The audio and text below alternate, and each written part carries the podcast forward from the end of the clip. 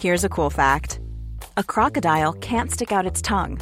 Another cool fact you can get short term health insurance for a month or just under a year in some states.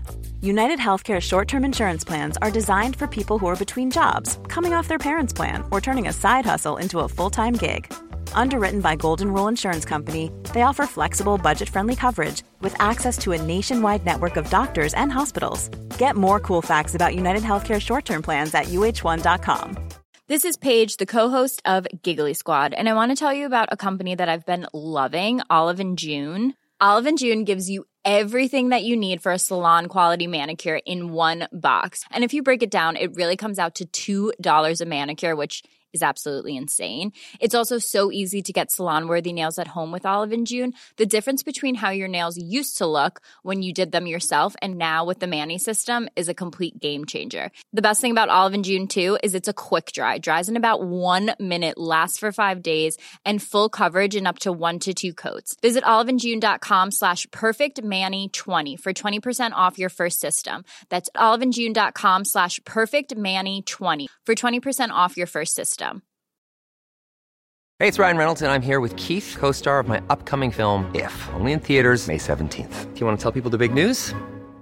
All right, I'll do it. Sign up now and you'll get unlimited for $15 a month and six months of Paramount Plus Essential Plan on us. Mintmobile.com slash switch. Upfront payment of $45 equivalent to $15 per month. Unlimited over 40 gigabytes per month. Face lower speeds. Videos at 480p. Active Mint customers by 531.24 get six months of Paramount Plus Essential Plan. Auto renews after six months. Offer ends May 31st, 2024. Separate Paramount Plus registration required. Terms and conditions apply if rated PG.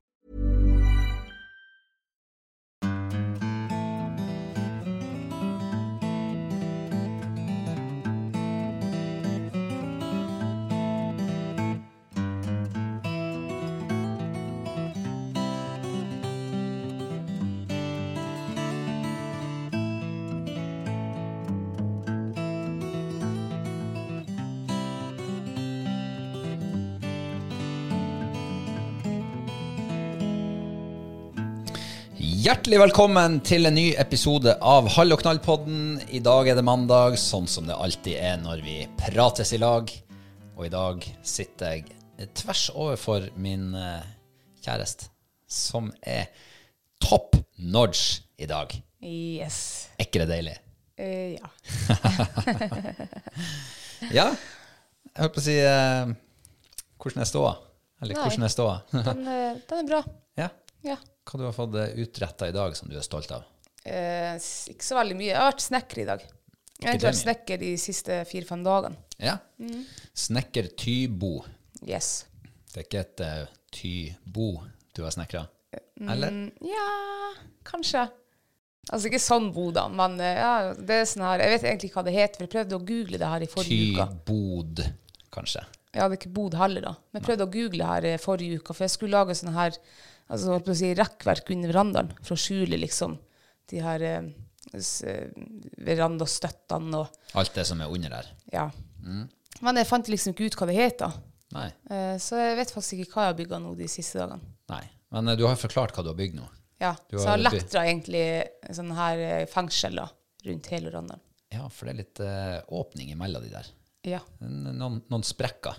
ja Ca. 2,3 cm. Det er akkurat nok, det. Ja. Men det er egentlig, det, det, du har egentlig bare bygd inn verandaen. Ja. Og- Og alt under verandaen er bygd, Ja. innbygd nå. Og det var så deilig, for at når, eh, når vi, vi bygde vel verandaen for to år siden, og det har irritert meg grønt med å liksom se alle de her stygge støttene med sånn her eh, papp rundt på seg, og det vi har støy på. Altså, det var så godt nå å få skjult det. Det ser straks mye pi- penere ut. Det eneste jeg gruer meg til når du er ferdig å snekre, Mm. det er å male det der. Ja. For det er et mareritt å male sånne greier. Det er det, men nå er jo du eh, Du kjøpte deg jo her i fjor eller forleden år sånne her sprøyter. Så jeg tenker jo at siden jeg er snekkeren i huset, så kan du være maleren i huset. Ja, for jeg elsker å male. Eh, ja. Du, vi, er- vi, er- nå er det en måned siden vi hadde quiz sist. Ja, det begynner å bli en stund siden. Det begynner å bli en stund siden. Og eh, i det siste så har vi begynt å kjenne på både lysta og behovet for å ha en quiz til. Ja. En oppfølger. Episode to ja. av eh, Hall og knall-quizen. Og nå har vi endelig, nå endelig melder det litt dårlig vær. Ja. Da, For det er egentlig det som har vært. Det har vært liksom altfor godt vær egentlig til å sitte inne på kveldene. Eller i hvert fall planlegge at nå skal du sitte inne. ja.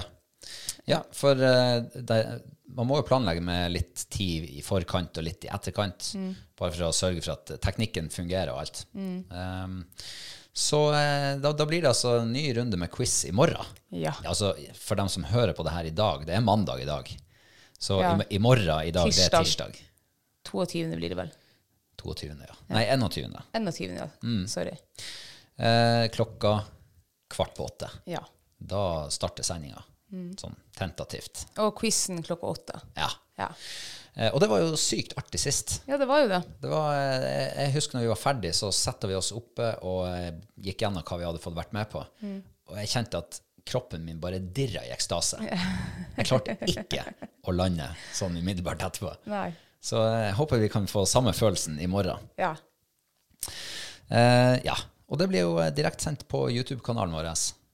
Og jeg håper så mange som mulig har lyst til å være med. Jeg håper vi blir enda flere enn forrige gang. Jeg håper det melder skitvær i hele landet i morgen kveld. Ja. Sånn at folk eh, slipper å sitte og skal prioritere mellom enten sitte ute i sola eller Mm. sitte inne og se på, eh, på quiz. ja. Det går jo sikkert an til å kombinere. Ta med deg iPaden din ut, så har du sendinga der. Og så har du Det kan telefonen jo, din i men det andre som, hånden. er, som krasjer, da, som i hvert fall mamma sa til meg, det var jo at uff, for hun syntes det var artig med quiz, og hun ville være med. Men denne her sommerhytta går jo eh, i hverdagen klokka åtte. ah, det Men det, krasjer. kan man jo se i reprise. Til og med mamma, som eh, er sånn sommerhyttefan, hun skal utsette den sommerhytteepisoden. Se der, ja. Så det går an. Det er veldig fint at eh, TV ikke er lineært lenger. Ja. Ja, så kan du se det når du vil. Men det blir spennende. Vi gleder oss. Og eh, vi, vi sender ut oppfordringer til deg som skal være med. Inviter med deg hele vennegjengen. Mm. Så blir det ekstra artig. Jo flere vi er sammen, er sammen, jo gladere vi blir. ja, ja. Ellers Nei, ja. Vi har eh, Jeg tror faktisk det var en ut av lytterne våre som tipsa om eh, sånn her eh, bikube, sånn fake bikube. Ja. Mm. For å holde unna liksom de her vepsene. Og nå på fredagen så kom endelig de tre bikubene vi hadde bestilt. Mm. Og, det, og så fikk vi den opp nå i helga. Jeg har ikke sett en eneste veps. Så jeg, jeg bare jeg innbiller meg at det, det funker. Du kan fortsette å innbille deg det. Ja. For det, det har ikke vært veps før vi fikk dem opp heller. denne helgen. Jo, det var en på fredagen. Det var en på fredag, ja. Yes. Ja, ja. Nei, så, men, men, ja, ja, men jeg innbiller meg nå at nå er det vepsefritt der ute, så nå klarer jeg faktisk å slappe mer av. ja, men det er en god, god, god Så eh, det er sikkert godt sånn der- resultat. Ja, jeg tror det er sånn der placeboeffektaktig. Og det er godt nok for meg. Eh, det sto jo i bruksanvisningen at man skal hive dem opp, eller ikke hive dem opp, montere dem opp eh, så tidlig som mulig, altså en god stund før det liksom blir vepsetid. Ja. For vepsen han er ganske sånn territoriell av seg. Mm. Så når han kommer flygende og leter etter en høvelig plass å eh, etablere sitt eh, bol, så ser han at oi, nei, her er jo opptatt. Da flyger jeg videre. Ja. Og uansett hvilken retning han kommer inn og treffer vår eiendom på, så vil han se minimum ett vepsebol. ja. Eh, fordi at eh, fatteren han har jo sagt at eh, vepsen han liker jordbærplanter også. Eller ikke jordbærplanter, men jordbær. ja. Så han kan ete masse jordbær. Men der har vi vært føre var. Før vi i det hele tatt har fått eh, et eneste jordbærkart, så henger det et eh, vepsebol like i nærheten. der skal de ikke føle seg eh, velkommen. Nei. Jeg er nå spent på å se om det faktisk fungerer. Jeg håper det. Jeg har nå i hvert fall innbilt meg det, så, så får vi se. Vil du høre hvordan jeg har det? Ja. Er du sikker på det? ja. Men jeg ser jo at du har det bra. Jeg har det bra. Ja. Og jeg fikk meg en kjempeopptur i går. Å. Ja. For, ehm, for to uker siden Ja. så setter vi potet. Og det snakka vi jo litt om. Og vi lagde jordbærland. Eh, og jeg, jeg vil jo liksom huske Jeg har jo hatt potet de siste mm, ti årene, kanskje. Så har jeg hatt et lite potetland. Og vanligvis så vil jeg huske at det går ganske fort at det skal bli litt sånn der han, eh, Sånn eh, potetkål som kommer opp av jorda. Og jeg har gått og venta. Og jeg har venta og jeg har venta ja. Du har gått hver dag. hver dag den siste ja, mer enn den siste uka har jeg gått og så speidet i potetlandet. Det skjer ikke en pellemannskitt. Nei. Ingenting. Steinedødt. Jeg har faktisk, Det har gått så langt at jeg har begynt å bekymre meg over hvordan blir det med avlinga i år. Blir det avling i det hele tatt? Og i går så ser jeg den første bitte, bitte lille potetkornen Wow. som stikker snuten opp av jorda og opp i dagslys. Og da kjente jeg bare at yes, endelig! Det var en sånn her deilig tilfredsstillelse for min del. Ja, ja, du kom jo springende til meg når jeg sto her ute. Jeg skjønte egentlig ikke noe. Jeg trodde du hadde vunnet i Lotto. Jeg følte sånn akkurat der og da. Ja. Men var det bare én kål eh, du så? Nei da. Det var flere. eh, Ja, det var flere. Men alle var, de var 1,5 til 2 cent Ja, ja. lang. Og det er et veldig godt tegn. Da vet man at poteten fungerer. Mm. Så eh, ja, da har jeg trua på at det blir potetavling i år også. Ja, så bra. Og så, eh, nå skulle jeg si hvordan jeg egentlig har det. Ja. Eh, Vi hadde jo en episode for to uker siden cirka, som heter Eder og galle, eller Fandens oldemor var det kanskje. ja. hvor vi fikk eh, liksom eh, tømt oss litt for eh, masse frustrasjon og sånt. Mm. Og jeg har eh, kjent på meg i det siste at det her, alt det her han, eh, sjøørretfiske og havfiske, sånn, det har tatt rett og slett eh, livsgnisten ut av meg. ja. Så jeg har følt at jeg har vært i en motivasjonsbølgedal. ja du har ikke bare følt på det. Du, du har, f- som er på yttersida, du har faktisk vært der. Jeg har vært det, ja, men jeg har faktisk kjent, kjent det sjøl også. Mm. Ja. Jeg, har, jeg har eh, liksom innsett det inni meg sjøl. Du har det, ja. Ja. ja. Og på denne tida av året vanligvis så er jeg full av eh, eh, sånn her eh, forventning, eh, motivasjon bobler over, livsgnisten bare spruter. Det er, det er lyn fra klar himmel hele tida. Og jeg gleder meg til alt jeg skal oppnå. Og den, akkurat den følelsen der, den savner jeg ennå. I dag når vi skal til fjells, så kjenner jeg at ja, ja, det blir sikkert bra, det. Du, og du, er ikke, du gleder deg ikke. Ikke sånn som jeg vanligvis gjør på denne tida av året. Da skal jeg egentlig stå og trippe og, og klare liksom ikke å vente på å komme meg ut fort nok. Eh, så jeg håper virkelig at eh, innlandsfiskepremieren min i dag kan gi meg en, en sånn her etterlengta opptur. Ja, altså selvtillit også. Og selvtillit, ja. Ja. Jeg skjønner jo hvordan, altså jeg kan forstå hvordan du har det, for du har jo enda har du ikke fått kilosfisk i år. Så den, den skjønner jeg veldig godt. Ja. Ja. Men eh, du har jo faktisk vært på innlandsfiskepremiere. Du har tjuvstarta litt uten meg. Og når du drar på, isfiske- nei, på fisketur uten meg, så bruker det som regel å bli en bra tur. Du bruker det, ja. Eh, utrolig nok. Ja. Så jeg var, jo, eh, ja, jeg var nå her i forrige uke. Det var, meldte veldig bra vær. Eh, meldte litt vind, men eh, jeg tenkte at siden rin, vin- nei, rin, vindretninga ble sånn så- eller meld- Ringvetninga. Ja. Siden Yri meldte den liksom derifra, så tenkte jeg ok, men da er jeg litt i le. Men det var jeg jo ikke. Så jeg sto jo, uansett hvor jeg sto hen på vannet, så føltes det ut som jeg kasta i beint sterk motvind. Ehm, men herregud, for en eh, tur jeg hadde. Ja, det var det. Vi- Ja, vi starta på, på morgenen og så tenkte jeg at eh, ja, nå kan jeg jo benytte liksom, for her det er bare en liten gåtur liksom opp til et vann. Så kan jeg bare benytte denne muligheten liksom til å, å sette kløven på unghund. Hun har aldri hatt kløv på seg sjøl. Vi snakker om hun Klopp, ja. Hun klopp, ja. Så jeg fylte kløven med to kilo. Oi, såpass. Ja, det er jo egentlig ingenting. Nei. Men, eh, det er, greit. men da kjenner hun i hvert fall at det er vekt i dem, liksom. Um, Og det her er første gang Hun har aldri båret kløv før. hun har aldri vært kløv for deg. Og eh, stort sett heller hele tida så har det nå gått greit.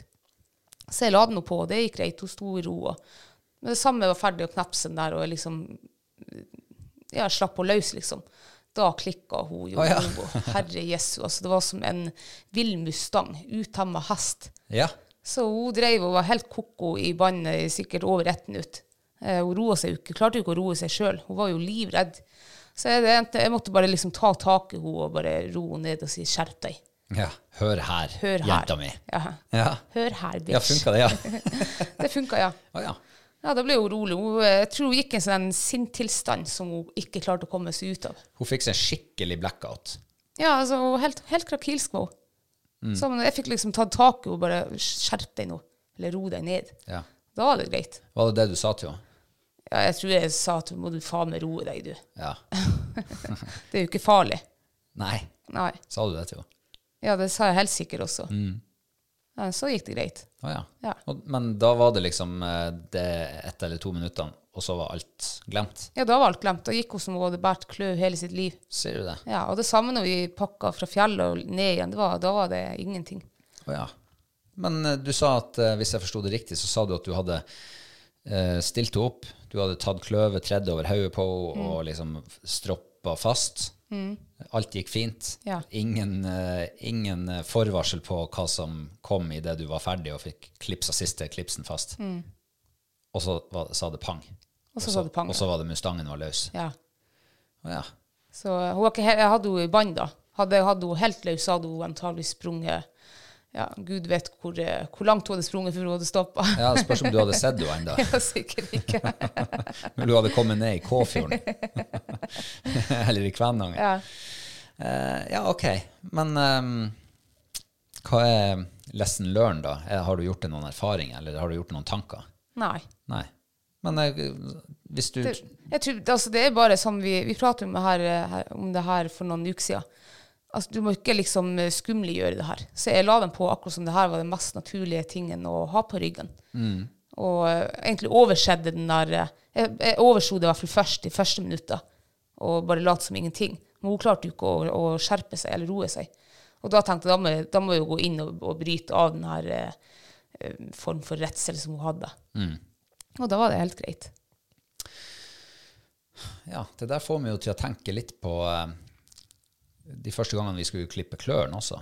Ja. Det er jo veldig mange hunder som uh, syns det er noe med det verste som finnes i hele verden. Mm. I hvert fall det skumleste. Eh, og da det, er jo- Kanskje det er sånn rett og slett at når, når eh, hunden får en sånn der tulltak, så må du kanskje gå inn og gjøre akkurat sånn som du gjorde. Si 'hør her, det her er helt ufarlig'. Ja. Det verste du kan gjøre, det er jo liksom Å nei, uff. Ja, å», ta og så hunden tar opp du og av- ja, kos- stakkars. Tar du av kløvet og Ja, sånn sånn, her. ja, Og, ja. ja. Tenk å ta Det er jo av det. kløvet. ja, men det er sikkert mange som gjør det. De ser hunden liksom få panikk. Mm. Men det er jo ikke skummelt. Det er jo ikke farlig heller. Nei, det er ikke verken skummelt eller farlig eller eh. Jeg hadde jo en hund på trening på Herregud, det er jo sikkert f- 14 år siden. Em, den var stor som en hest. Han var bare ti måneder gammel, tror jeg. Ni-ti. Hvordan hund var det? Ish etter. Ja, ja. Det var eget oppdrett også. Mm. Um, han var helt krakils når han skulle bli klippet på klørne. Men det viste seg at de hadde vært f- eh, fire personer for å klippe klørne på en Å, ja, hund. ja. Og jeg, lille meg på en, jeg var kanskje, ja, jeg var kanskje 1,58 da også. Jeg, etter en to minutt eh, slåssing, lik- ikke sånn slåssing, men liksom sånn for å, å holde den fast og roe den ned, så klippte jeg alle klørne. Hunden lå helt, eh, altså helt i ro Mm. imellom føttene mine. Og jeg klippte alle klørne.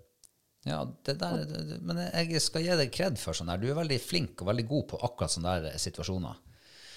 Eh, for jeg så jo da du skulle klippe klørne på eh, Klopp, første gang du skulle klippe på Mm. henne, så klippte ikke du den eneste klo før hun lå i ro og slapp av. Nei, jeg gidder ikke dem stress at du skal mase og mase og Nei, mens jeg prøvde liksom å både klippe klørne og på en måte holde henne litt fast i her. ja, slåss, som du sier. Ja. det, det blir jo to ting som er vanskelig Ja, samtidig. det blir jo det. Ja, ja. Nei, så da jeg slåss meg ferdig, holdt på å si. ja. Og så når de er rolig, så kan det. Og da ser de jo også det at OK, det skjer Altså, det skjer ingenting for jeg er rolig, og det skjer ingenting før vi er ferdig med det, liksom. Ja. Nei, men eh, det er jo, da var det jo Da fikk jeg meg òg en lesson learned. Eh, s- Ja, veldig bra. Takk skal du ha. Ja, det var nå så lite, det. Men eh, dere var altså på fjellet. Det gikk jo fint å både få kløvet opp og ned igjen. Ja. Så hva skjedde i mellomtida? Eh, I mellomtida Jeg dro dit opp for å fiske. Ja. Jeg klarer jo ikke å gå liksom bare for å Altså, det må være en, enten fiskestang eller hundetrening eller børse. Ja. Så vi kom opp dit, og det blåste jo. Og da liksom Da ble jeg nesten litt sånn her uff, når jeg kom liksom over bakkehaugen. Eh, men jeg tenkte ja, sola skinte, det var fint vær, så vi drar nå dit og kikker. og Satt meg ned, tok en kopp kaffe. Ja, så tenkte jeg, skal jeg, skal jeg slå opp eh, fluestang? Det var faktisk Å ja, det blåste så mye, Det blåste bra mye, gjorde det. ja, da skjønner jeg godt at du For da begynner jeg også ofte å vurdere. Ja, men så tenkte jeg, nei, faen heller, jeg skal fiske, jeg. Så jeg eh, opp med fluestang og så selvfølgelig ingen bak. Um, Sette på en, eh, først en tørrflue, og det ble jo bare krøll og surder i motvind, og ikke så en heller. Så jeg bytta til nymfe, og det skjedde ingenting. Jeg sto sikkert en time og fiske på samme plass, da gidder jeg ikke mer. Så gikk jeg opp og drakk kaffe, og akkurat da liksom, så begynte det å Altså, det var ikke riktig så mye vind på andre sida av vannet. Bremsa litt. Bremsa litt opp, så jeg begynte jo faktisk å se masse vak. Ja, ja, ja, for det er ofte det som skal til, bare bitte litt endring. Ja, og, og det var ikke en eneste vak der jeg hadde stått i en time og fiska. Nei. Men det var liksom litt lenger bortfor på andre sida.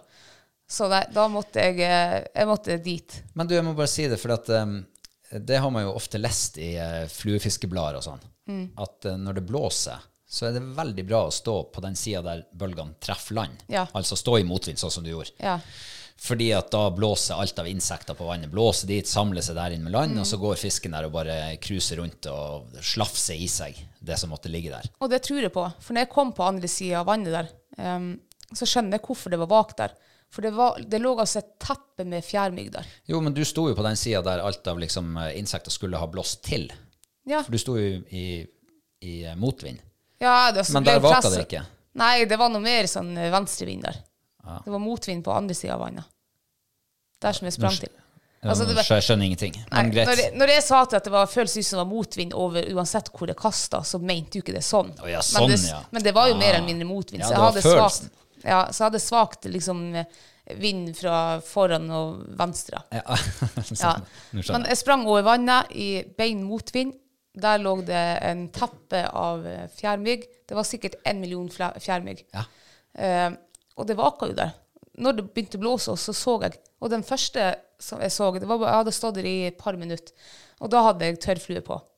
Eh, der vaker det en, sikkert i hvert fall en to kilos ørret, bare ti meter utfor meg. Å, det Og er jeg fint hadde kastehold. akkurat- Ja, og jeg hadde akkurat kasta ut da, og jeg kasta sikkert ikke lenger enn 12-14 meter innan motvind.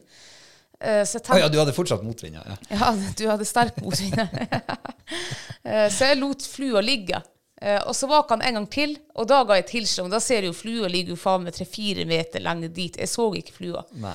Så da måtte jeg inn igjen der og kaste ut. Jeg vet ikke om jeg traff det en gang. Altså, det- du vet hva, det ble bare rot med den eh, lille fjærmyggflua som jeg hadde på da. Men det var litt action, da. Ja, det var action. Det vaka liksom sånn her. Og så av og til så løy han litt. Ikke sånn at det ble vindstille, men han løy, og da va- vaka det jo enda mer. Eh, Så jeg drev nå og skifta flue innom alle der. Var nå innom både palmermygg og eh, vårflue. Og, men ingen, de ville ikke ha det. Så eh, at jeg hadde stått der en lang stund, så tenkte jeg faen, altså, jeg, jeg hiver på den der eh, gullhodenymfa mi. Første kastet. Bang! Nei. Ja. Og jeg kjenner det her er, det her er fin fisk. Oi, oi, Og så oi. var det liksom litt sånn der tung utrast. Du vet ikke når den fær sånn, her, vrinn, men den fær sånn dunk, dunk, den dunker seg ut, liksom. Jeg tenkte jeg må tro om det her kan være en sånn skikkelig pen fisk. Ehm, og så fikk han noe inn, og så så jeg fisken. og Så, ja, da tenkte jeg at den er i hvert fall kiloen er det nå. Eh, så det var jo ikke så artig med Det var en ørret, var det. Eh, han hadde det ene dunk ut av seg, og så var han bare egentlig jævlig seig. Jeg tror jeg vet ikke om jeg brukte ja, fem, seks, syv, åtte minutter eh, å prøve- for å få den over til håven. Eller inn i håven. Sånn langs med land. Jeg skulle ikke få styre han inn. Og vi som kjenner det, vi vet at det er en eh, to, tre, fire Nei, altså, helt seriøst. Jeg, det var nesten sånn at jeg ble flau. Det er mulig jeg eh, faktisk eh, Du rødma litt for deg sjøl her oppe på fjellet. Ja, det er mulig jeg faktisk ikke tar i det hele tatt. Kanskje jeg sto der i ti minutter. Men det føles iallfall ut som jeg sto der jævla lenge. Jeg skulle ikke få den her ørreten i hoven. For hver gang jeg styrte han dit, han var 20 cm ifra, så gikk han to meter ut. Og sånn gjorde han hele tida. Og så var jo jeg livredd for han visste. Jeg så jo flua satt jo helt framme på nesen. Så um, jeg tenkte at her er den første fisken jeg har på i år, den må jeg berge. Så man blir kanskje også litt sånn feigere. Å ja, det, det blir man helt sikkert. Så fikk jeg den inn, og så var jeg nå litt usikker på om jeg skulle slippe den ut igjen. Den var jo s- eh, smellfeit som en kubbe, var det. Kort, men tjukk. Um, og jeg kan komme tilbake til hvorfor jeg eh, tenkte på å slippe den her ørreten ut. For det var jo ikke på, jeg var ikke der oppe for å drive catch and release. Men jeg tok den ørreten, da, siden det var første. Og så kastet jeg ut på nytt, og der bar en ny fisk på. Og den var det jo liv i. Den f- hoppa jo og styrte, og da ser du at det her er jo røye. Og dæven, det var liv i den. Fikk den. Den slo jo selvfølgelig med en gang i hjel. Eh, Kasta ut, fikk en ny røye. Og den var kjempe, den var enda mindre, men det var også faen meg mye liv i den der røya der. Og smellfeit var den. Så det slo nå den også. Så hadde jeg nå en par napp og sånn her, og da hadde hun stått det så mange timer. Så at da tenkte jeg at nå, jeg må jo dra hjem, for at jeg har jo en gubbe som er hjemme og Du har skal ingen lage gubbe. mat. Du har ingen Kjæresten. Gubbe. Ja, kjæreste har du. Og jeg, jeg gikk liksom eh, pakka nederfra med bismak, for da begynte det å bli virkelig vindstille, Oi, og oi, oi. Ja. det vak, og herregud. Og så kommer du hjem, og så, så, så sier jeg hva, hva, Ja, du kom så tidlig. Ja, det var jo Vi måtte jo lage middag. Ja vel, sa jeg. Ok. Og det ble så fine forhold når jeg for derfra, sa du. Så jeg, hvorfor i all verden kommer du ned nå? Da må du jo hute deg og bli der oppe. Når du har stått der og fiska i motvind i mange timer, og så plutselig, rett før du skal gå, så løy jeg. Ja, men det løy og det blir altså perfekte helt, forhold. ja. Og så går du hjem! Ja, for, men jeg tror jeg Jeg får er sånn her, rystet. jo, men jeg får sånn her dårlig eh, sånn, eh, selvfølelse. Jeg vet du sitter hjemme på kontoret, og så skal jeg stå her oppe. Og ha det pluss- artig, liksom. Ja, altså, men eh, det var ikke bare det. Jeg hadde, jo hell, jeg hadde bare mat med meg til, liksom, til en lunsj. Ja. Og det var jo middagstid, så det var noe litt derfor også. Men jeg hadde jo fint klart å stå der noen timer til. Og det var altså bismak. Og, og så Jeg sa jo hvorfor jeg liksom tenkte på å slippe den ørreten ut. Mm. Eh, det vannet jeg fisker på, det heter ørretvannet. Det har vært ørret der siden jeg var s- kjempeliten, og sikkert mange herrens år før det. Fine ørreter der har det vært. Og plutselig her for en fem år siden, så får vi røye i det vannet. Det har aldri vært røye der. Altså helt seriøst. Det Det er har helt aldri utrolig. vært. Det er helt utrolig. Og de røyene for en fire-fem år siden, de var jo litt sånn slank. Eh, ja. Og året etter ja, slank da også. Og det var jo enda så mange- flere røyer. Og enda flere, ja. Fy faen. Altså, det Du ser nesten bare røye der nå. Eh, har nesten ikke fått ørret i det vannet etter eh, vi f- begynte å få røye der for fem år siden. Så det vannet er jo egentlig ødelagt. Mm. Men det var faktisk en liten opptur nå når jeg var der. Jeg så eh, flere pene ørreter. Um, og de røyene jeg fikk, de var ganske feite, var de. Um, den ene røya var vel 700-800 gram, og den andre var vel kanskje 400-500. Og de var trille runde, var de. Og ørreten var også Ørreten var jo kubba. Ja, det er jo egentlig Det der er jo egentlig i utgangspunktet faunakriminalitet av Ja, det Mm. er jo eh, verste sort. Eh, For eh, ja, eh, hadde det vært motsatt, at det var et smårøyevann, Mm. tusenbrødrevann, eh, så eh, da kan man jo eh, sette ut ørret i de vannene og satse på at ørreten blir så stor, og at den blir fiskespiser, og at den holder smårøyebestanden i sjakk. Ja. Så det finnes jo gode kombivann med både ørret og røye i Mm. det landet her, men det finnes også ufattelig mange vann som er ødelagt. Ufattelig mange gode ørretvann som er ødelagt Ja. ved at noen har setta ut røyet ditt. Men tenk det, her har du et lite tjern, egentlig. Mm. Med, det har vært eh, ganske, den største ørreten vi har fått, det er 2,8. Og nå, og så- ja, nå er det altså så sjelden. Jeg vet ikke om, jeg vet ikke om det fins ørret på 2,8 lenger. Nei, altså jeg fikk jo den, eh, l- altså den tynneste røya jeg har sett i mitt liv. Den fikk jeg i det vannet for et Ja, par år siden. Stemmer det. Hadde den vært feit, så hadde den vært minst 1,5 kilo, tror Ja, jeg. det tror jeg også. Eh, og vel så det. Men den var altså så tynn som et slips. Ja. Og den var blank som en eh, laks. Ja, det- altså det er som sjørøye. Så, så jeg Men det der det har vært faktisk litt eh, Jeg har hatt litt vondt i magen over det vannet der. eh, På grunn av akkurat det der. At det er noen som har vært så korttenkt, og jeg vet ikke hva som er rasjonalet bak det, men de har satt ut røye i det vannet. Ja. Og røya vet jo, den formerer seg jo så fort og tilpasser seg næringstilgangen. Så er det lite næring i vannet, så blir røya små, og så blir de mange. Og så er ørreten ferdig. Men jeg vet ikke om det var om Jeg tror ikke de har vært altså det Selvfølgelig var det jævlig dumt å sette ut røyet ditt, eh, men jeg tror de eh, Nå skal jo ikke jeg eh, verken anklage eller komme med sånn her korris, Hva det heter kor, Korrispensjon Nei, kor, hva det heter Korreksjon? Nei. Nei, da vet jeg ikke. Korrupsjonsteorier, eller hva faen det heter. Konspirasjon. Konspirasjonsteorier, Ja. det var det jeg skulle fram til. Men noe jeg syntes var jævlig rart, det var at um, først eh, for fem år siden, jeg tror det er fire eller fem år siden, når vi så røya for første gang, jeg kunne, jo f- jeg kunne jo ikke tro mine egne øyne først. Men da hadde de altså noen vært der oppe og merka løypa. dit. Det er egentlig det er en sti som går opp gjennom der, og så, liksom, og så er det ikke sti de siste 500-600 meterne. Men der var det altså merka med flere sånne her eh, plastbånd, og vi rei dem jo ned. Året etter så er det plutselig eh, sånn tid på topptur. Eller sånn her eh, Ja. Jeg tror nesten at det her henger sammen, jeg. Jeg vet ikke, jeg får bare følelsen at jeg tror det her henger sammen. Noen har hevet ut røyet ditt, og noen har planlagt at det her skal være ti på topp-tur. Og, og nå er det jo så helvetes mye folketrafikk der oppe at eh, ja. Ja, det der synes jeg hørtes ut som en eh, veldig god konspirasjonsteori. Det må jeg si. ja. Altså, jeg har ikke trua på at det er sånn det henger sammen. Jeg tror rett og slett at det er noen som ikke har tenkt seg om, eller ikke har Som ikke vet bedre, som har funnet ut at eh, her må vi ha røye. Og så har de satt ut røye der. ja. I hvert Også- fall det verste de kunne gjort. Ja, og det gjenstår jo å se nå, da. Ja.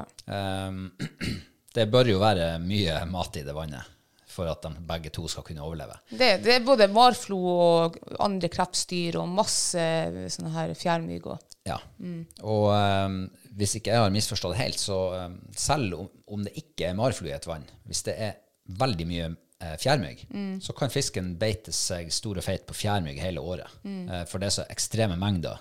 Kan, kan bli ekstreme mengder med fjærmygg i, i sånne der vann. Ja. Så eh, det- det går jo an til å krysse fingrene og håpe at det går bra.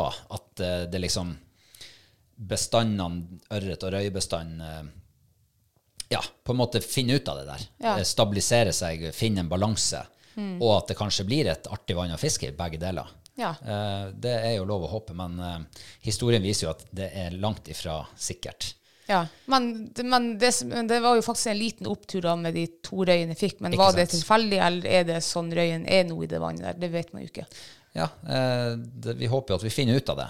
Vi, Ja. det, blir jo, det blir jo sånn superenkel forskning utover sommeren, sånn innimellom, Ja. eh, å se. Men, men eh, sist jeg fikk fisk der oppe, så var det jo altså bare slanke røye. Den var ikke Mm. syltynn, men eh, det, det var liksom ikke puddinga Nei, heller. det var det ikke. Eh, og da tenkte jeg at eh, nå er det her kjørt. Ja. Eh, Men hvem vet, naturen har jo en evne til å finne ut av det sjøl. Mm. Så det er jo lov å håpe. Og det er jo veldig positivt tegn, det du har, det du har sett nå. ja. Men eh, du har altså fått et litt sånn selvtillitsboost nå, da, skjønner jeg.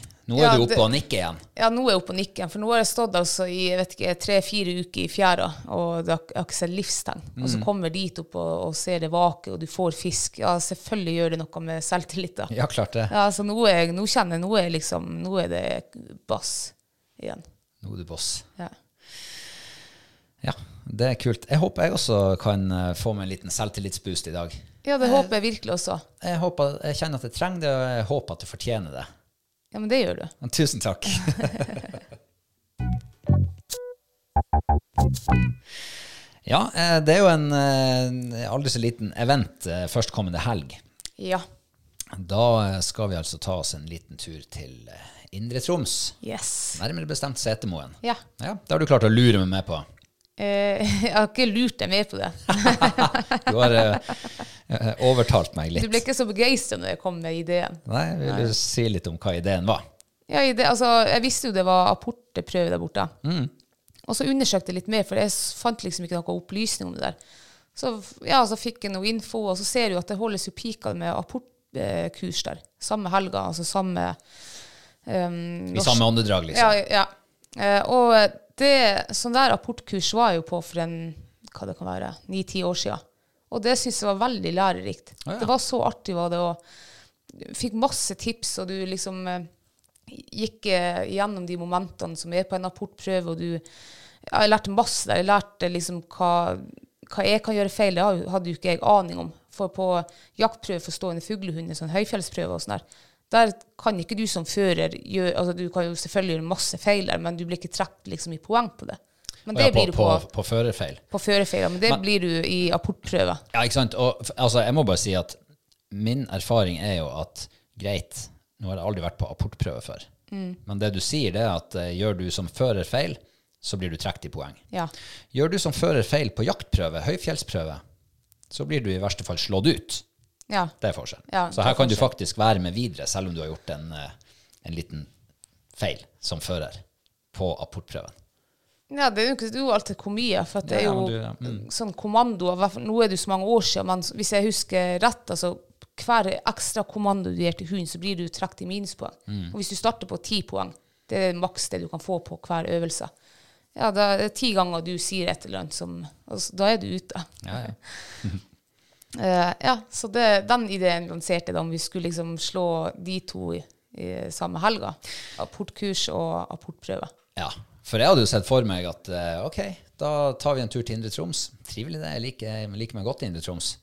Og så eh, fisker vi på fredagskvelden, så fisker vi på lørdag, og så får vi på apportprøve på søndag. Ja.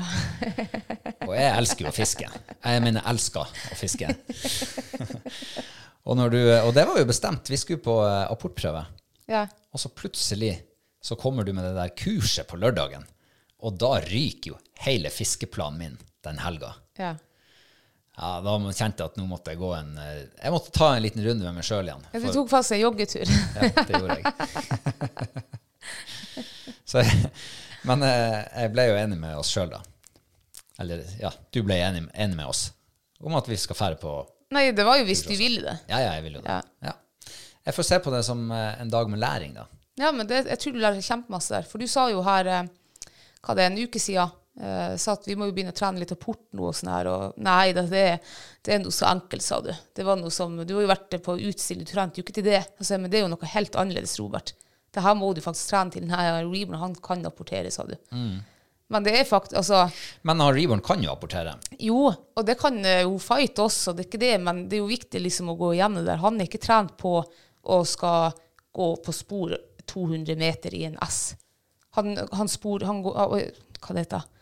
Han eh, har jo eh, eh, sporapportert liksom, eh, skadeskutt fugl og sånn, her, det har han gjort, men det blir jo liksom ja, så jeg tenker i hvert fall å gå igjennom det, det er i hvert fall viktig.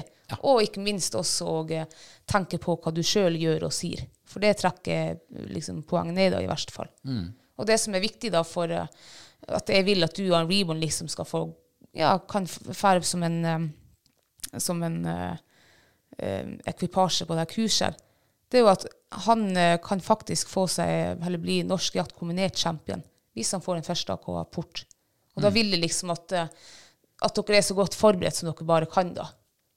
Ja, vi er to Det er menn, viktig vet for du. meg. Ja, ja. Så vi, inni hodene våre så er vi jo kjempegodt forberedt. Og så står vi kanskje på eh, apportkurset på, eh, på eh, lørdag, og så ser vi at eh, ja, det var sikkert verdifullt å være her allikevel. Ja, men det tror jeg du syns. Ja, det kan godt være det. Ja, Men, eh, vi, hvis du er er jo, interessert, så syns du det. vi menn er jo litt stolte av oss, ikke sant? Vi leser jo ikke bruksanvisninga før vi har feila. Nei. Så, jeg, så egentlig så, så skulle jeg bare ha møtt på den prøven og så funnet ut at eh, nei, her må vi øve. Og så hadde jeg funnet på et kurs en annen plass. Og så, altså, det er sånn det egentlig ville ha vært hvis, Ja, ja. hvis det ikke Men var en det er jo greit kvinne. bare å For- Og, og hvis vi nå skulle lykkes, først drar vi på eh, den, det der kurset, og så drar vi på den prøven, og så får vi første AK. Så kan vi jo bare si at bak enhver vellykka mann så står det en kvinne.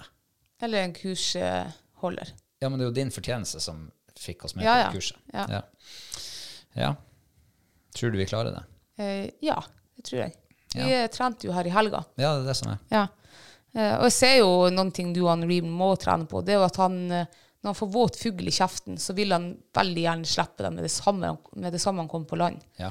Og det skal han jo ikke gjøre. Han kan slippe den, men da må han plukke den opp da, etter han har rista seg, og komme inn til deg. Eh, det gjorde han jo ikke. Nei, for det han gjør, det er at han kommer opp, og så slipper han den, eh, og så rister han seg, og så kommer han inn til meg uten fugl. så ja. Nei, det er det som er utfordringa, ser det ut som. Ja, og det samme gjorde han når vi eh, la ut eh, to ryper da, i søkapport. Så kom, fant han først den tørre rypa, og den leverte han pent. Og så kom han inn med den våte rypa, Ja. og den spytta han ut rett foran føttene på deg. Ja.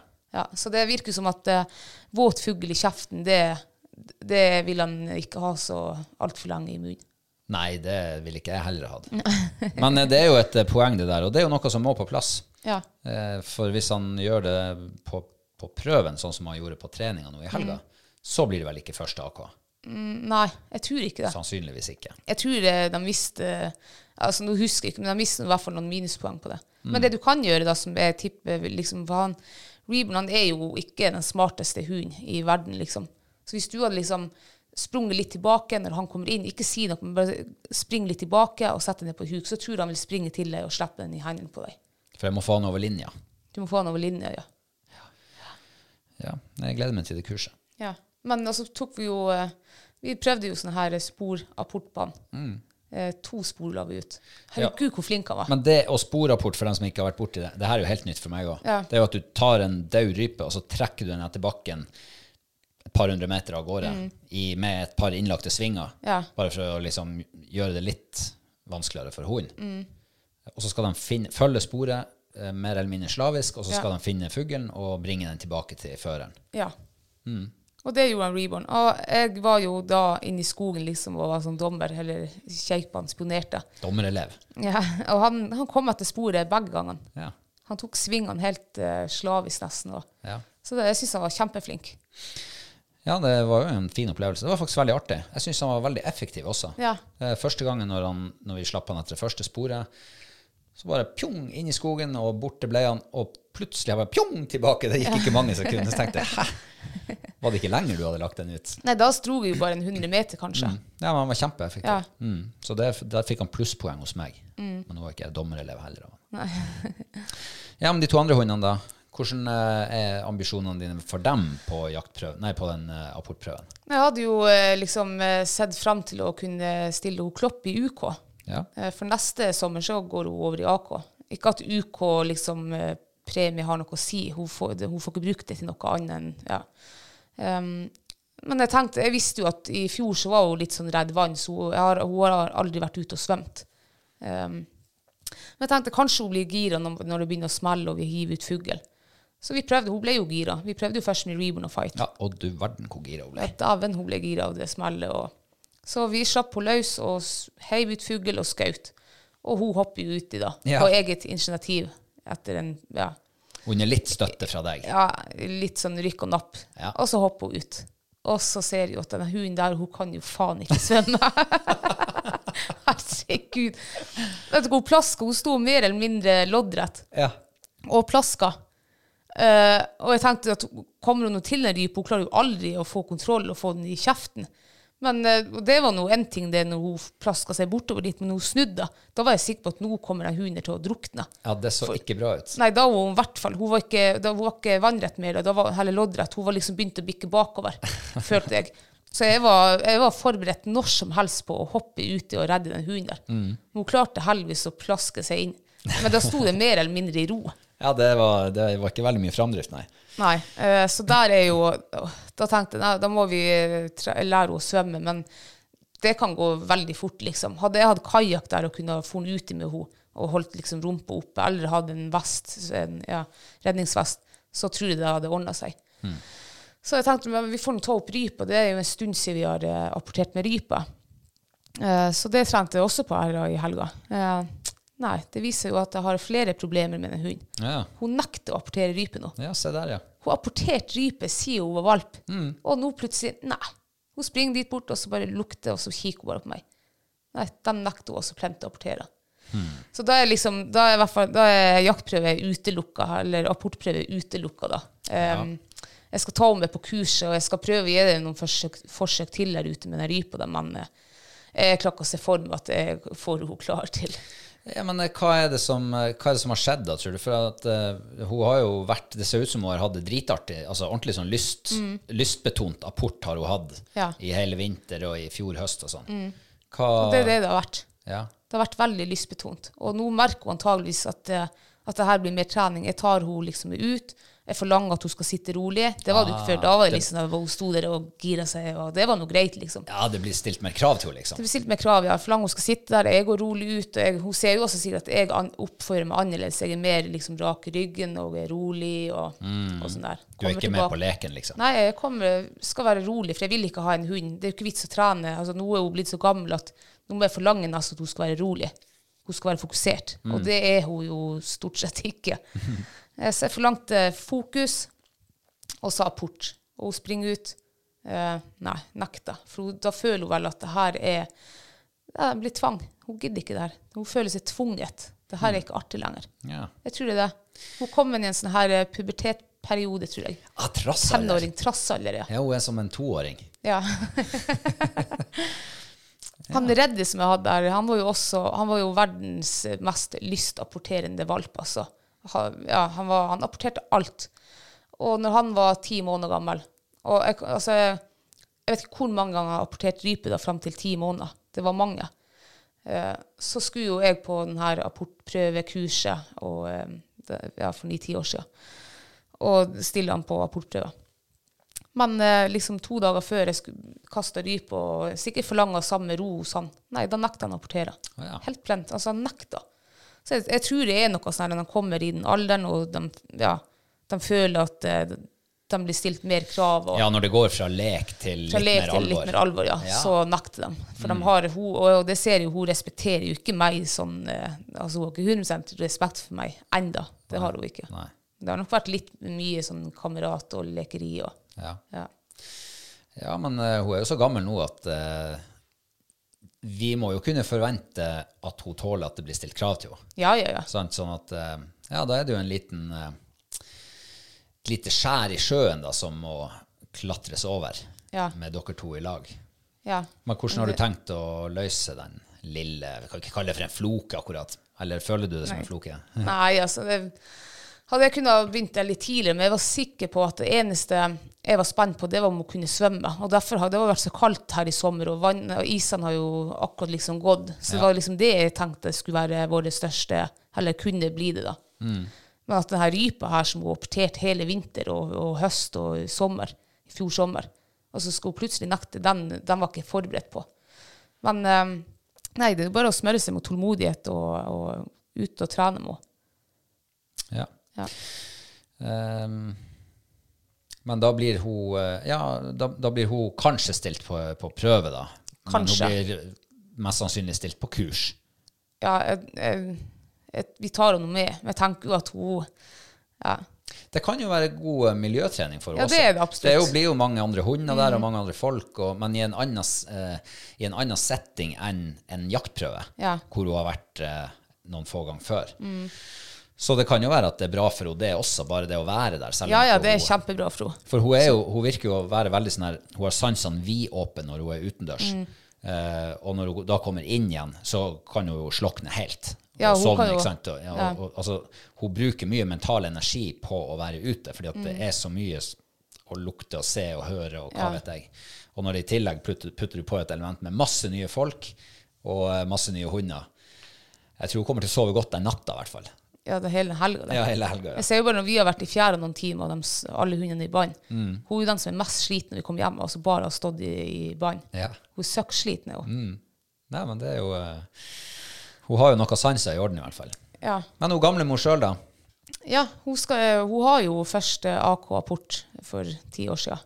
Eh, Men hun har jo ikke den her eh, 30 poeng-pinsen, eller hva det kalles. Å for. ja, det, det, ja. Ja, 30 du får- Point Club. Ja, det har vi ikke. Hun har bare, jeg vet ikke hva hun fikk, 26 poeng.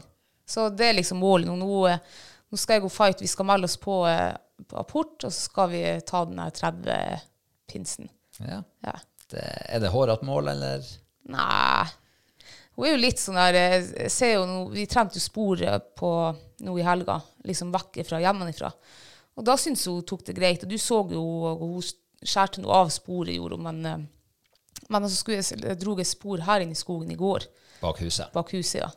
Eh, nei, det vil hun ikke. Å ja, det var Ja, nei, det, Det var ikke noe for artig. henne, det. Nei, det var ikke noe for henne. Eh, Jeg, jeg tvingte henne flere ganger, liksom, og til slutt så gikk hun liksom den retninga, så tenkte jeg ok, men nå tar hun sporet da på overvær. Nest, og svinkte hun av, og, og da var hun, slo hun seg plutselig ut liksom i jaktsøk, så jeg måtte jo Åh. bare få hempa henne inn igjen, og, og da la jeg bånd på. Og da liksom jeg tvingte henne slavisk, og hver gang hun skulle skjære ut, så stoppet jeg, helt til hun var på sporet igjen. Å ja. Og sånn gikk vi.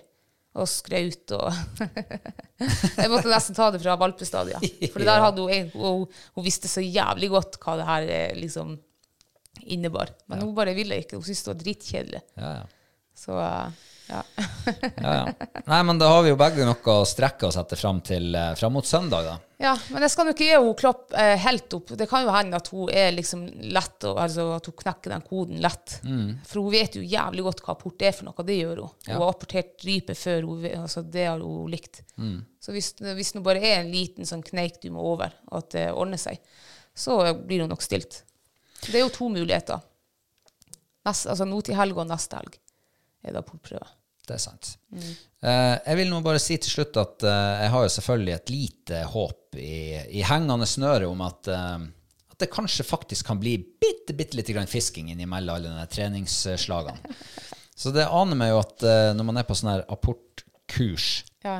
så er det sikkert masse sosialt om kvelden. Det kommer jeg til å skippe. Gjør du det, ja? Yes. Ja. Da skal jeg dra og fiske. Så kan du være sosial Si på, ikke på det, vegne av si oss. ikke Jo, jo, jo, jo, jo. Så jeg gleder meg til helga. Det blir både i pose og sekk. Vi skal over på eh, ukas mathøydepunkt. ja.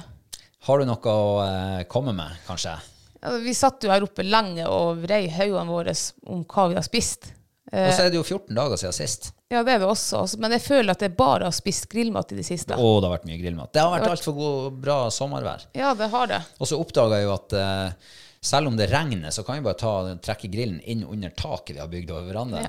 Det hadde jeg ikke tenkt skulle fungere, fordi at jeg tenkte det ble altfor mye røyk der. Ja, Men eh, det det, gjorde var det jo ikke. Mm. helt perfekt, altså. Nå kan vi grille i all slags vær. Ja, huff. Gleder Jeg begynner å bli ikke litt resten av lei nå, sommeren. kjenner jeg. Ja, men jeg tror vi må eh, drive oss og utvikle oss, og finne på nye måter å grille ting, Ja. Mm. og nye ting å grille, og i det hele tatt. Jeg kjøpte jo en ananas i helga som jeg tenkte jeg skulle grille, den glemte jeg jo av. Ja. Så den ble ikke grilla. Ikke ennå. Nei, men eh, har du noe uh, mathøydepunkt? Ja, det har jeg, for du kom hjem her, eh, du hadde vært eh, i nabobyen, eller i Skjervøy da. Kystbyen. Ja, der var du på eh, fiske, fiskebutikken, og du kom hjem med sånn spikka øyne. Åh, spikka øyne, altså. Det er så godt.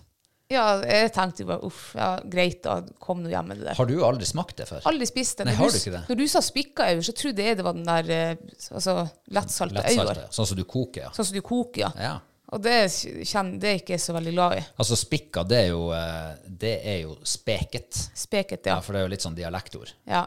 Eh, Men i hvert fall, eh, så jeg ble jo veldig glad når det var speket og ikke lettsalta. Ja. Mm. Men jeg har aldri spist speka øyne. Eh, Aldri hørt om det.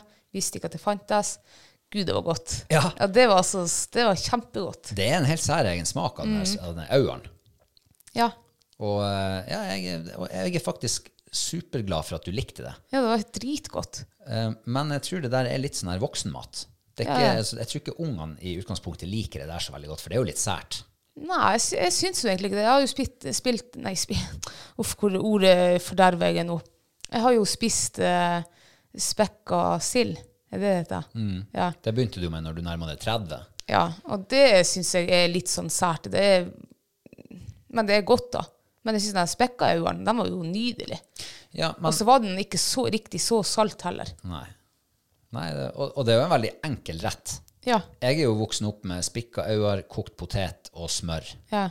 Altså, Og det var det vi hadde, mer eller mindre. Og litt løk. du skar opp litt løk, ja. Ja. Eh, superenkelt og veldig godt. Eh, det eneste jeg lurer på, det er jo om, om man faktisk kunne ha servert den sånn som man lager spikka sild, med druer og rømme og rødbeter og b- sånn der kålrabistappe og kokt egg, altså alt det der tilbehøret. Kunne det ha vært med på å gjøre det enda mer spennende? Jeg vet ikke, for når vi ikke hadde alt det den dildalla, så var det liksom, det var så deilig og rent. Det var, du, det var den fiskesmaken eller fisken som var i hovedfokus. Veldig godt poeng. Veldig godt poeng. Når du skal begynne å piffe det opp med rødbeter og kålrabi og egg og druer og sånn, så mister du egentlig altså, Det smaker jo bare kokt egg og druer, da. Ja, hvis du bare har litt mer fisk, da. Det Ja, går jo ja. an til å prøve, det skal du ikke. Nei, nei. Fordi at eh, hvis man slutter å utforske ting, så ender man jo opp i en sånn der eh, ond spiral. Da, da, det blir ikke noe utvikling da. Nei, men hvis det funker for deg Ja, ja, men det kan hende du det syns det funker er enda godt. bedre. Ja, hvis det funker enda bedre, mener jeg. Ja, ja. Så jeg har nå fortsatt, eh, siden vi nå snakker om det, så har jeg en liten ambisjon om at på et eller annet tidspunkt så skal vi prøve bare å bytte ut spikkesild med spikka øyne, og så ellers ha samme tilbehør. Mm. Ja. Også litt mer fisk, da, selvfølgelig. Ja, Vil du høre mitt, eh, mitt mathøydepunkt? ja det, vil- men det aner meg hva det er for noe også. Å ja, det gjør det, ja. Mm. For jeg har eh, også noe som er liksom ja, like mathøydepunkt. Ok. Ja, da får vi se, da. Ja. Eh, som du sier, så har det jo vært mye grilling. ja. Og eh, på den samme Skjervøy-turen så var jeg jo innom eh, butikken der ute, ferskvaredisken på butikken. Og der hadde de eh, ribbe. Ja. Juleribbe. Bare liksom fersk. Eh, Og jeg ba jo om å få noe godt som vi kunne hive på grillen. Jeg hadde jo egentlig håpa at de skulle komme med noe sånn der, sånn der langtidsmodna som vi har snakka om før. ja. Det hadde de ikke. Det er noe klart da. Nei. Men hun sa har du prøvd ribbe på grillen. sa hun. Nei, så har jeg aldri prøvd. Ikke tenk tanken engang. Prøv det. Og det prøvde vi. Grilla ribba på grillen. Å, herregud. Det var altså så godt. Det var så godt, var det, ja.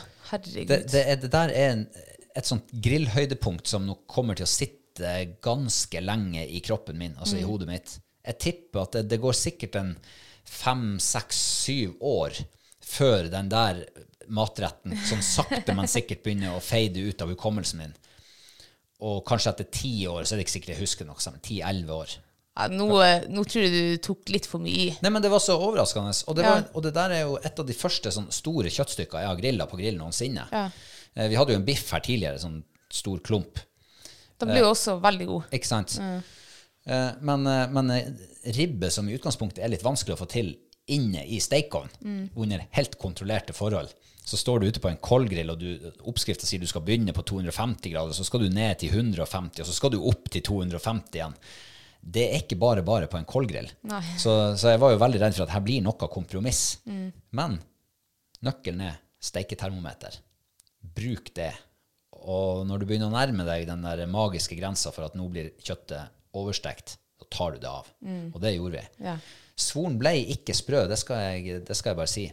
Men du verden, det var godt. Ja, det gjorde ikke noe. Og den var jo pensla med sånn her eh, barbecue glaze. Eller som du skrev på handlelista en dag, barbecue glaze. da flirte jeg. Ja, da flirte jeg også når jeg skrev det. ja. så, eh, så eh, grilla ribbe, det er ikke siste gangen vi har gjort det. Nei, absolutt ikke. Men det var veldig godt, var det. Ja. Så, eh, ribbe og den spekka auren var egentlig eh, altså, like godt. Men spekka auer har aldri hørt om det eller spist det, eller, så derfor var det Så det var liksom positiv overraskelse. Ja. Ja. Ja, og samme måte ble det positiv overraskelse med den ribba. Eh, og så var det Vi hadde jo bakt potet til og, og coleslaw. Og så prøvde vi å bake eple. Ja.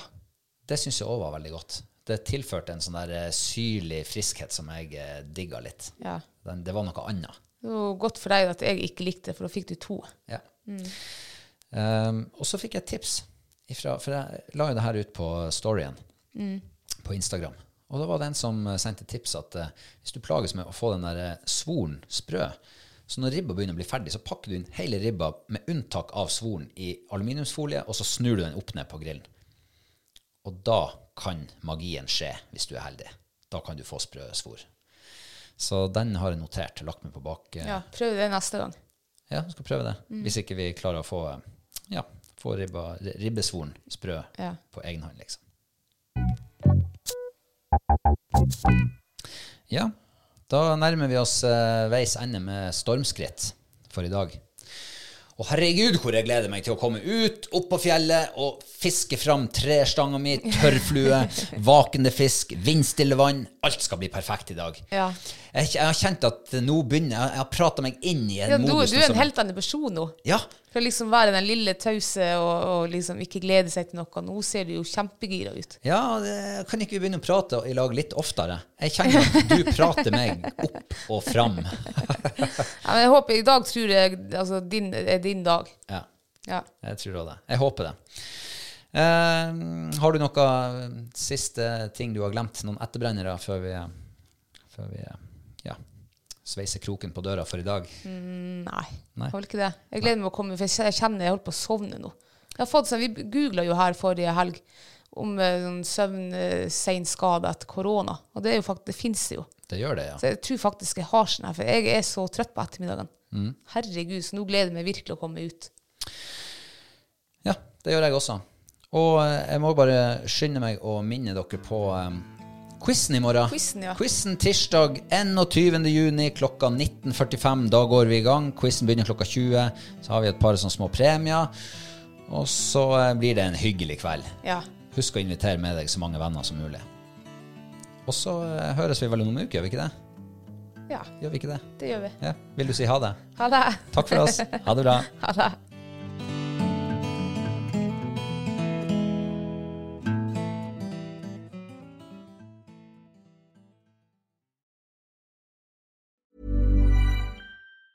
Ever catch yourself eating the same flavorless dinner three days in a row? Dreaming of something better? Well, HelloFresh is your guilt free dream come true, baby. It's me, Gigi Palmer. Let's wake up those taste buds with hot, juicy pecan crusted chicken or garlic butter shrimp scampi. Mm. Hello Fresh. Stop dreaming of all the delicious possibilities and dig in at HelloFresh.com. Let's get this dinner party started. Even when we're on a budget, we still deserve nice things. Quince is a place to scoop up stunning high end goods for 50 to 80% less than similar brands. They have buttery soft cashmere sweaters starting at $50, luxurious Italian leather bags, and so much more. Plus, Quince only works with factories that use safe, ethical, and responsible manufacturing. Get the high-end goods you'll love without the high price tag with Quince. Go to quince.com/style slash style for free shipping and 365-day returns.